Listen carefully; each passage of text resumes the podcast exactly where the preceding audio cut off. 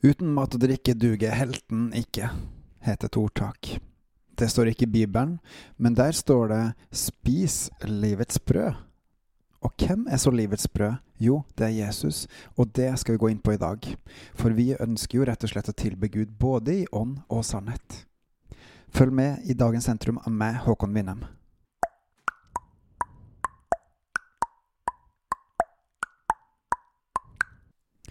Vi skal i dag til Johannes 6.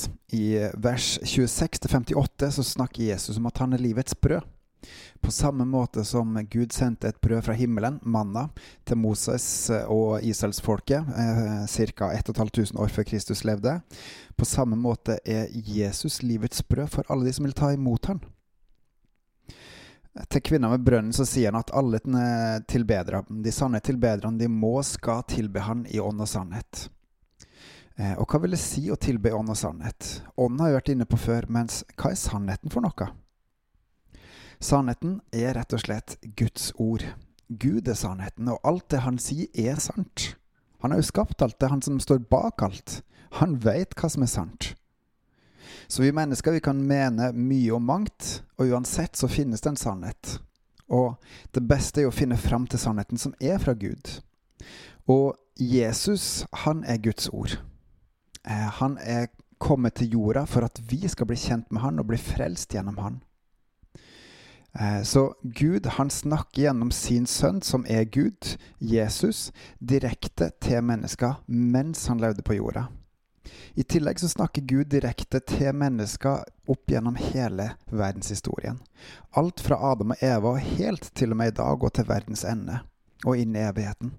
For de som blir med han inn dit, ved trua på Jesus Kristus. Han som har både dødd og stått opp for oss for at vi skal få evig liv med Gud, og skal en dag få lov til å komme hjem til den plassen hvor det er bare godt. Halleluja, pris Herren. Du er god, Gud. Amen. Eh, men oppi herre, når Jesus levde her, så sier han ved ett tilfelle 'Jeg er livets brød'. I vers 33 og 35 i kapittel 6 Johannes så står det 'For Guds brød er det som kommer ned fra himmelen og gir verden liv'. Jesus sa til dem, 'Jeg er livets brød'. Så Jesus han er sendt fra Gud til oss for å gi oss livets brød. Og vi er mange som går rundt og tenker på hva slags mat skal vi kjøpe nå, og det er blitt så dyrt med denne maten. Men Jesus, livets brød, han er gratis. Og vil alltid være gratis. For hver og en som søker han med et helt hjerte. Som bekjenner med sin munn at Jesus er Herre, og i hjertet tror at Gud reiste han opp fra de døde. Da vil vi bli frelst. Så Jesus er det brødet som kom ned fra himmelen. Og da står det i 45. Det står skrevet profetene, altså i Gamle Testamentet. Og de skal alle være lært av Gud. Hver den som hører av Faderen og lærer, kjem til meg. Så det er ikke hvem som helst som skal lære oss opp. Det er Gud som skal lære oss opp. Det er Gud som snakker til oss sannheten inn i våre liv. Lærer oss opp i Hans sannhet. Og det er mektig. Vers 51. Jeg er det levende brødet som er kommet ned fra himmelen. Om noen eter av det brødet, skal han leve i evighet. Altså fra man tror, og for alltid. Og det brødet som jeg vil gi, er mitt kjød, som jeg vil gi for verdens liv. Jesus er det levende brødet som er kommet ned fra himmelen, for å gi oss liv gjennom nattverden, som er veien inn til Han, men også i det videre livet med Han hvor han lærer oss opp i hans sannhet, i hans ord, i ordet, for at vi skal bli fylt av ordet, med alt som er i ordet, for at vi skal gi ordet videre til andre, sånn at andre også kan få lov til å bli fylt av ordet. La oss hoppe tilbake til tabernaklet i Gamle testamentet, som Moses fikk beskjed om å bygge i ørkenen, like etter at de hadde vandra ut fra Egypt, ut av slaveriet. Ytterst så hadde en forgård hvor det var et alter og et kar. Der ofra man ulike offer for å bøte på den synd, eller for å takke Gud ulike, på ulike måter med ganske mange forskjellige typer offer. Og så vaska man seg etterkant. Videre inn i det hellige sto skuebrødene, de tolv brødene som eh, var for hvert av de tolv stemmene til jødene. Der sto lysestaken med oljen, og der var et alter med røkelse. Og inn i det aller helligste, der var paktkisten med nådestolen oppå lokket. Og der var det kun én prest som en gang i året, ypperste presten, fikk lov til å gå inn framfor Guds trone. Litt seinere så gikk man over fra tabernakel til et tempel for Herren. Det første tempel. Og enda senere så bygde man det andre tempelet, og det var det andre tempelet som sto når Jesus levde på jorda. Når Jesus døde på korset, så står det at eh, forhenget inn til det aller helligste, der hvor paktkista med nådestolen var, det revna ovenfra og ned. Og plutselig kunne alle prester som hadde lov til å gå inn i det hellige, de kunne skue inn helt inn i det aller helligste. Der bare én person, bare én prest, én gang i året fikk lov til å gå inn. Det Jesus gjorde for oss på korset, var at han åpna veien inn til Gud for oss. Han åpna vår vei inn i Guds nærhet, i Guds hellighet, i Guds renhet. Men for at vi skal være rensa reint til å kunne møte med Gud, så må vi for det første ha tatt imot Jesus, som renser oss i sitt blod. Og for det andre så må vi rense oss fra andre synder som vi gjør også. Og så må vi også tilbe Han i ånd og sannhet. Da nytter det ikke å si som biskopen i Trondheim sa for noen år siden, at det å tro på to utveier av livet, nei, det trodde du på i gamle dager. Eller for å si som biskopen i Oslo sa, jeg tror ikke på Bibelen, jeg tror på kjærlighetens Gud. En av de beste måtene vi kan ta til oss Guds ord, spise det levende brødet, det er gjennom å lese Bibelen. Gud ønsker å lære oss gjennom Bibelen om alt det gode og det vonde som er i livet. Det er visse historier som skremmer meg inn i Bibelen, og da er det egentlig menneskene som skremmer meg, og ikke Gud, skjønt også det å frykte Herren er jo begynnelsen til visdom. Men igjen, kjærligheten hans driver frykten ut. Gud skjuler ikke ting. Han viser fram mennesket gjennom Bibelen.